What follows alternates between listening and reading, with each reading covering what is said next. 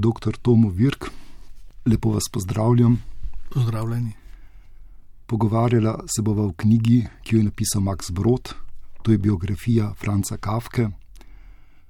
Max Brod je precej znan in vendar, kdo je bil Max Brod? Precej znan je eh, za nas, verjetno, pa tudi dobršen del sveta, kot um, tisti Kafkov prijatelj, ki je ohranil njegovo zapuščino pred uničenjem, pred izginotjem.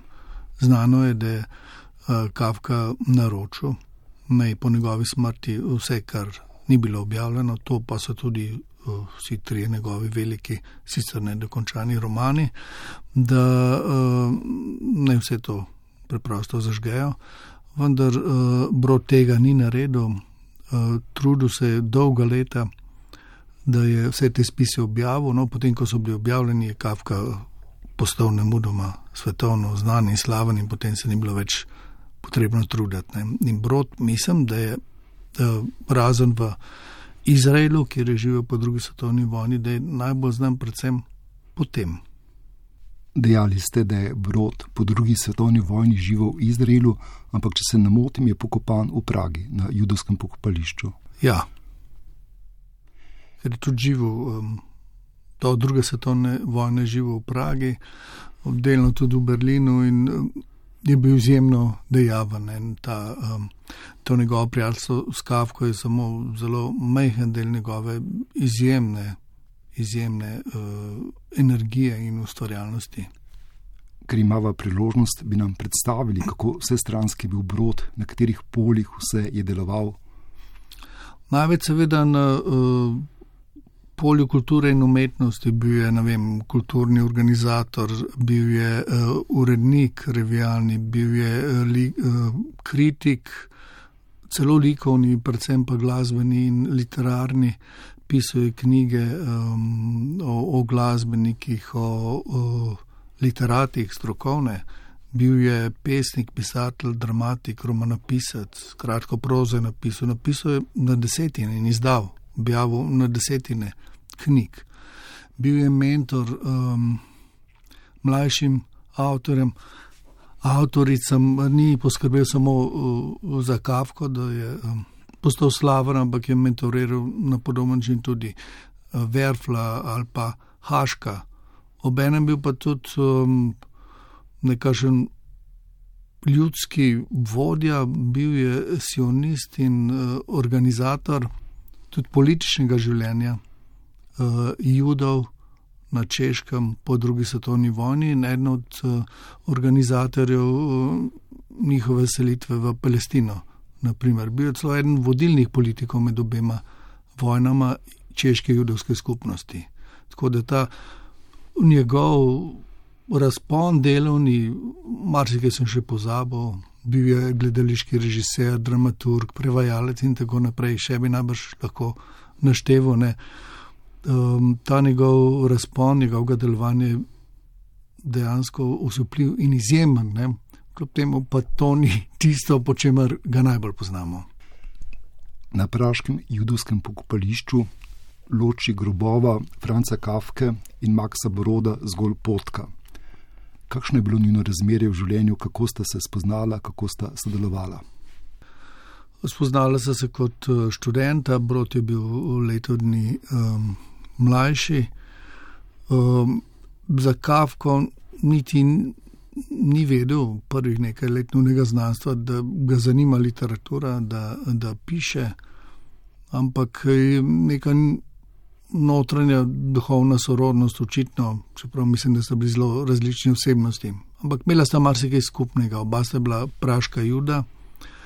Uh, noben od njiju v obdobju, ko sta se srečala, pravzaprav ni bil zelo pravoveren jud, uh, to svojo religiozno preteklost se nista preveč ukvarjala.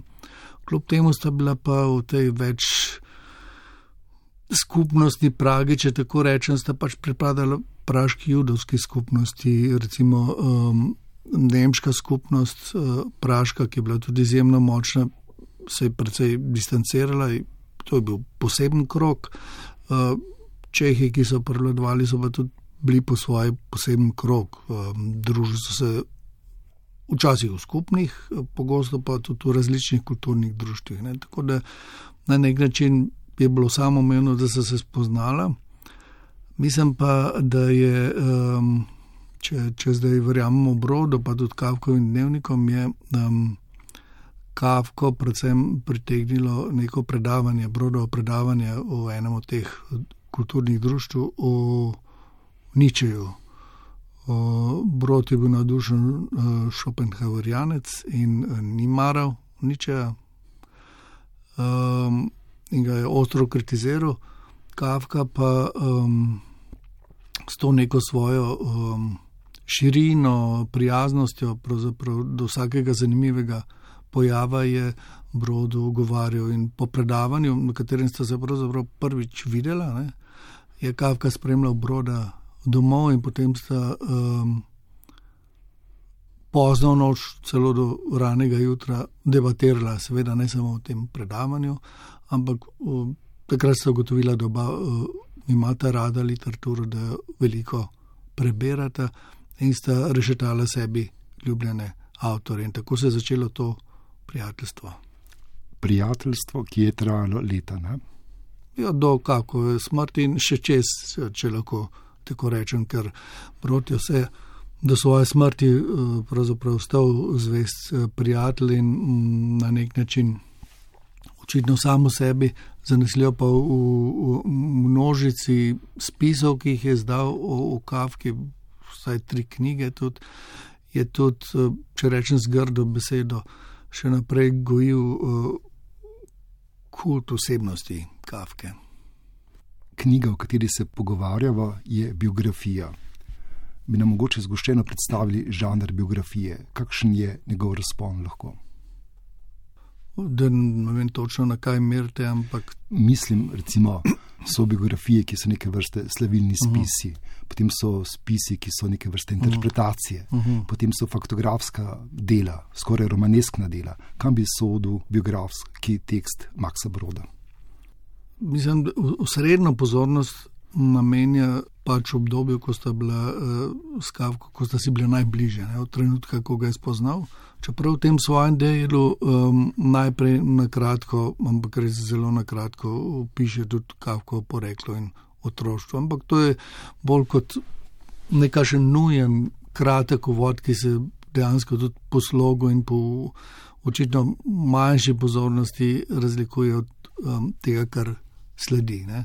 Predvsem je to se mi zdi poročilo o nekem prijateljstvu, pa ne samo poročilo o prijateljstvu, ampak um, prvi poskus tudi um, analize tega velikega prijatelja, uh, ki je v enem postal svetovno znan avtor.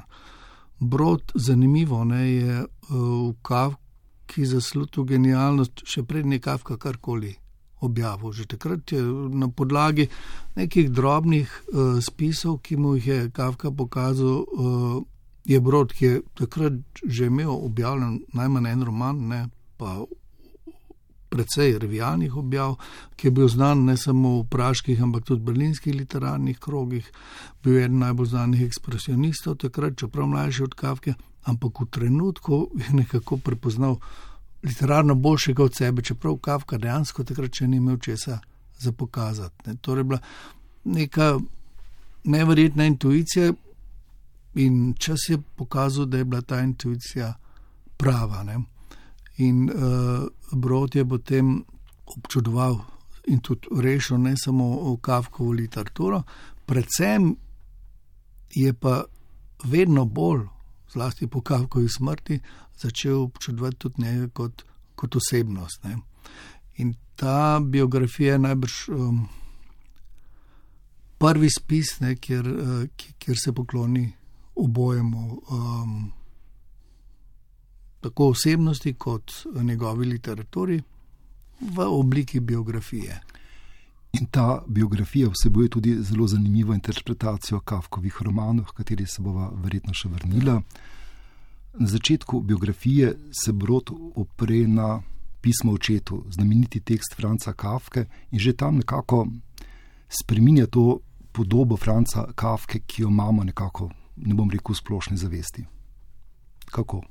Ja, res jo, jo spreminja, ne, um, čeprav ni nujno, da, nas, um, da se nam zdi uh, podoba kavke, kakršna nam prikaže brod, da, da nas moti, no, da se nam zdi v nasprotju z avtorjem besedili, kot jih poznamo.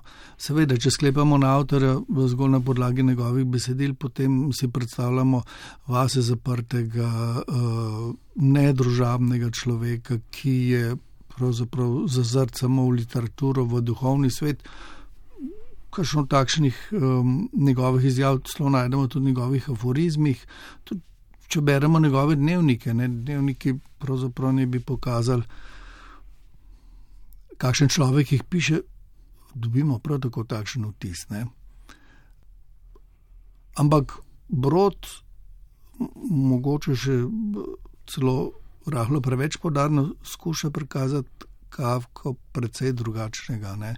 Skuša uh, nasprotno prikazati ga kot človeka, ki je izjemno ljubil življenje, življenjsko polnost, ki je bil veder in je to vedrino in to, ta čut življenjske polnosti prenašal tudi na vse okoli sebe. Zdaj, ko sem prej rekel, da to. Um, vseeno mogoče ni nujno nasprotju s Kafko lit, li, v literaturo, sem pomislil uh, na to, Kafka, kot vemo, iz njegovega življenja pisati tudi iz pisem, iz gore pisem, ki so bila objavljena, je bil zelo, recimo, uh, srmežljiv. Ženskami negotov, uh, srmežljiv ljubimec in tudi večkrat mu je propadla za roka, ne, kot nekako uh, na tem področju zanesljivo ni bil zelo samozavesten. Vseeno, to je iz Brodove tele, uh, biografije, komaj zaznavno, mogoče moramo že nekaj o tem vedeti, ampak že iz kakovih lastnih dnevnikov je razvidno, da pa je vseeno obiskoval bordele. Ne. To se pravi, če mislimo, da zavrača ženske, se zelo motimo. Ne. Mislim pa, da vseeno ni v nasprotju to, da nekdo, ki ni zelo samozavesten ženskami, da pa vseeno lahko obilno zahaja v bordele. Ne? To ni zares v nasprotju. Ali imate mogoče kakšno, mogoče psihoanalitsko razlago, zakaj so kavki propadale te zaroke? Ja, to bo že vprašamo, kakšnega psihoanalitika tale, ki izhaja iz pisma očetu, je pač na dlani. O, o, ta močni oče je tako izjemno očitna figura in freudovske interpretacije so se zato kar eh, vrstile in se še. Vi ste nekako sešili v celoto to podobo, ki jo imamo v Kafki, to podobo nekoga, ki je introvertiran in tako naprej, in tudi podobo, ki jo nekako ponuja Max Brod. Srtka, vi v teh dneh vidite neke nepremostljive razlike. Ja, mislim, da ni nujno, ker tudi v Kafkovih dnevnikih, ker mislim, da se izraža ta njegova introvertiranost, je v teh zgodnejših dnevnikih nekaj takih indicov, v katerih se človek bere za misli. Ne vidimo, da ne vem, je hodil na neka. Um, Ne samo zdravilišča, ampak bolj tako letovišča, da ga je zanimala ta alternativna medicina, da je veliko hodil v naravo, da je red hodil v naravo. Ne. Eh, vseeno pa zapisi vsem tem ostajajo tako bolj skopi kot zapisi nekega introvertiranega človeka. Ne? Ampak očitno že te zapisi tam iz leta 10, 11, ne vem, mečken zgodnejši dnevniki, uh, kažejo, vsaj neki indici so, da utegne imeti brod prav, ne? da je pri Kavku res. Um, dejansko privladovala neka življenjska radost. Ne na zadnje tudi sam um, Kavka poroča uh, večkrat o daljših pohodih, uh, ki so jih imeli. To, to je šport, ki ga danes praktično ne poznamo več. Ne. Kdor dlje hodi, hodi v, v hribe, da bi pa vandrali, kot so vandrali ne samo. Uh, Praški prijatelji, ampak po celi Evropi, da bi vandrali ne vem, nekaj dni okoli po recimo halazah eh, ali pa dolenskih gričkih, tega pa mislim, da si to danes težko predstavljamo. Ampak Kafka je to, uh, ko je bil mlajši, zelo rad in pogosto počel. Ne. Tudi pozneje, uh, ko je zbolel, naprimer, ne, uh, je o tem poroča Brod, tudi je hodil delati v neko vrtnarijo, praško, ne, popovdne po službi, mu bo zelo všeč to, tudi praktično delo z rokami, ne samo vrtnarijo, ne, o tem pa ne poroča Brod, o tem pa poroča nek drug kavko. Uh, prijatelj na hodu je uh, tudi uh, k nekemu mizarju, prav učiti se mizarstva, ker je preprosto rad delal z rokami, rad delal uh, z lesom. Ne. Zakaj je prevladala ta podoba Franca Kafke kot nekoga, ki je introvertiran? Zgolj zaradi njegovih literarnih del ali še morda iz kakšnih drugih razlogov?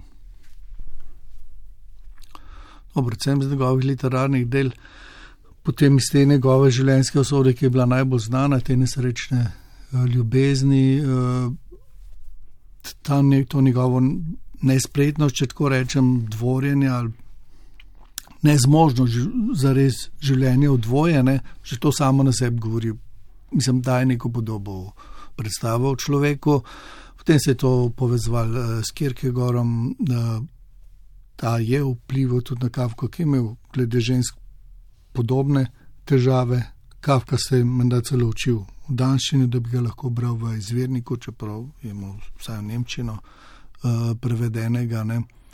Uh, potem, tudi potem, ko je Brod začel objavljati aforizme, ne, Brod v tej biografiji predstavlja, da Kafkovo leposlovje izraža to bolj uh, temačno. Um, In pesimistično plat Kafkove osebnosti, nasprotno pa njegovi aforizmi izražajo njegov optimizem, njegovo življenjsko rado, življenjsko silo. Ampak to ne drži v celoti, če naredimo selekcijo teh aforizmov. Ja, ne? ampak te aforizmi si med sabo, kar zadeva človeka, ki si ga predstavljamo kot avtorja, nasprotuje pogosto tako kot včasih tudi ničevi aforizmi. V eni knjigi, v enem aforizmu prebereš eno sodbo, v drugi knjigi ravno nasprotno sodbo. Ne? Seveda pri ničevi gre za kontekst, ki ga je treba poznati pri Kavku, pa najbrž za razpoloženje, v katerem je pisal te svoje aforizme, ki so tako ali tako največkrat bili del njegovih dnevniških zapiskov. Ne.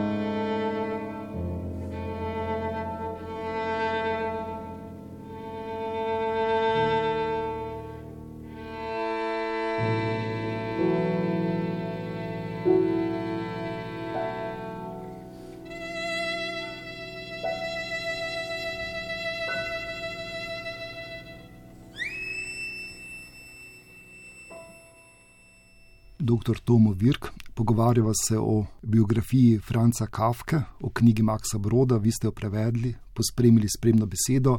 V prvem delu pogovora ste omenili, da se je Kafka učil danščino, učil se je tudi hebrejščino. Mm. Kakšen je bil njegov odnos do judovstva in še to bi dodal, ali je mogoče ta avtorjeva, Brodova interpretacija Kafke kot nekoga, ki ni tako introvertiran, kot si mi to predstavljamo, mogoče neke vrste avtorjeva želja, da bi ga povezal z nekim določenim tipom judovstva. Ja, sigurno, sigurno je zadaj ta brodova želja. Um, Zdaj, um, kavko odnos do judosta, kot sem že omenil, um, v mladosti ni bil preveč zagret jud, tudi ni bil zelo stroge judovske družine, po materini strani sicer že, ampak ločilno besedo je imel oče, ki ga pa kavka tudi v pismu očetu pravzaprav uh, kritizira zaradi njegove zelo formalne pripadnosti judovstvu. Uh, Kafka se je prvič resneje začel zanimati za judovstvo, ko je v Prago prišla neka gledališka skupina, ki je predstave v Jidišu imela in njegovi zgornji dnevniki so polni zapisov tej Jidiš skupini, sam se je tudi zelo bokažno igralko, vsekakor je obiskoval vse te predstave, obene pa tudi um, obiskoval tudi uh, predavanja Martina Bobra, tega velikega hasidskega uh, učenjaka in se je začel resneje zanimati uh, tudi za to duhovno plat judovstva takrat. Ne. In to se sigurno kaže v njegovem delu, zato ker ogromno te metaforike in simbolike je gotovo vzeto iz tega sveta judovske duhovnosti. Ampak še vedno čutuje to pripadnost, ne, um, ampak ko ga je uh, Max Brod začel nagovarjati k sionizmu, ko se je tudi Brod, Brod začel resno ukvarjati z judovstvom in je postal zagrizen sionist, pravzaprav uh, je Kavko to odbilo in to je pravzaprav, uh, vsaj po poročanju Broda, edini trenutek, ko sta za nekaj časa skoraj prekinila stike in se skregala. Ampak potem, ko je Kavka z bolom, se je pa spet začel bolj poglabljati v judovstvo, začel se učiti hebrejščine, eh, še vedno študiral te spise in očitno je imel načrtu, v načrtu. To, to so bili zelo ganljivi načrti, se po svoje vedel, da bo kmalo umrl, ne, ampak želel si je, da ne bi umrl. Za svoje bolezni, da bi živel, da bi lahko šel v Palestino, ker bi svoje ljubljeno odprl, naprimer, gostiče in bi on stregel kot kot natakar. In to je razlagal povsem resno svojim prijateljem, čeprav najbrž vedel, da je to uh, neuresničljivo. Ne. Mislim pa, čeprav ga brod seveda um,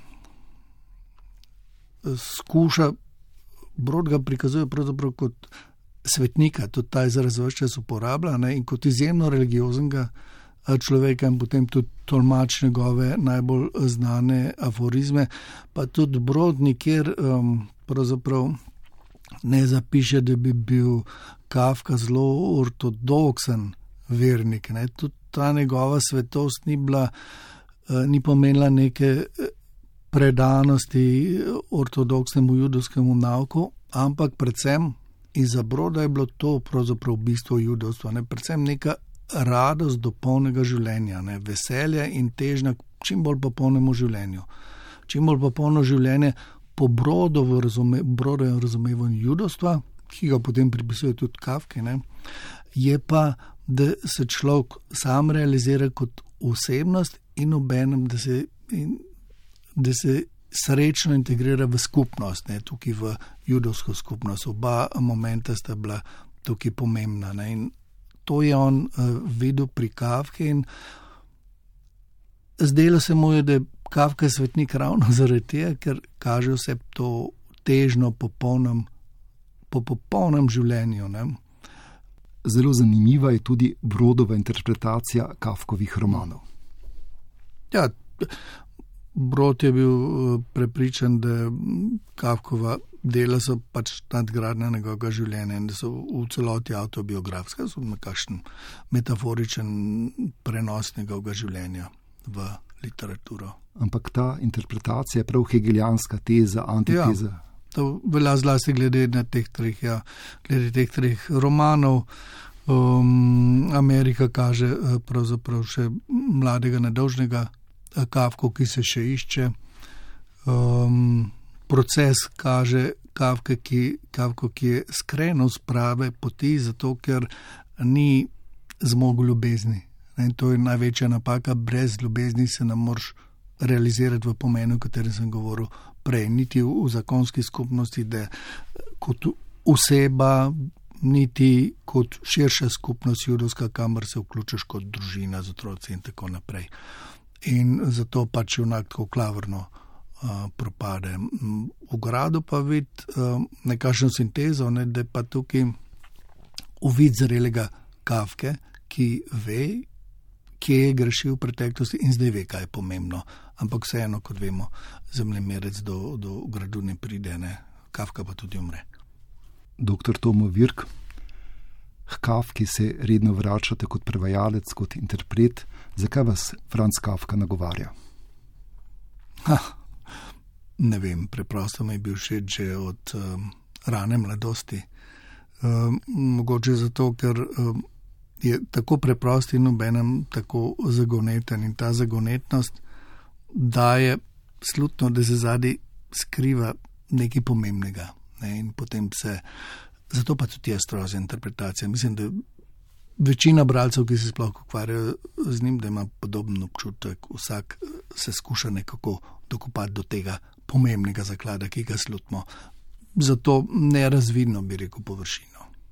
Prevedli ste vrsto knjig, predvsem iz nemščine, in biografija Franca Kafke je pravzaprav zelo literarna. Prevedli ste celo neko pesem, če se ne motim. Kaj vam pomeni takšno prevajanje, kakšen je ta vaš prevajalski užitek ob to vrstnem prevajanju? Ja, če, če, če je bolj leposlovno, so te užitki drugačni, kot če prevajam kakšna filozofska dela. Um, se pa ne rad uh, lotevam na leposlovnih besedil, to na srečo ni za res leposlovno, uh, zato ker mislim, da um, obstajajo bolj spretni prevajalci od mene. Dr. Tomo Virk, hvala za vaš prevod biografije Franca Kafke spod peresa Maxa Broda in hvala za pogovor. Prosim. Ja, hvala.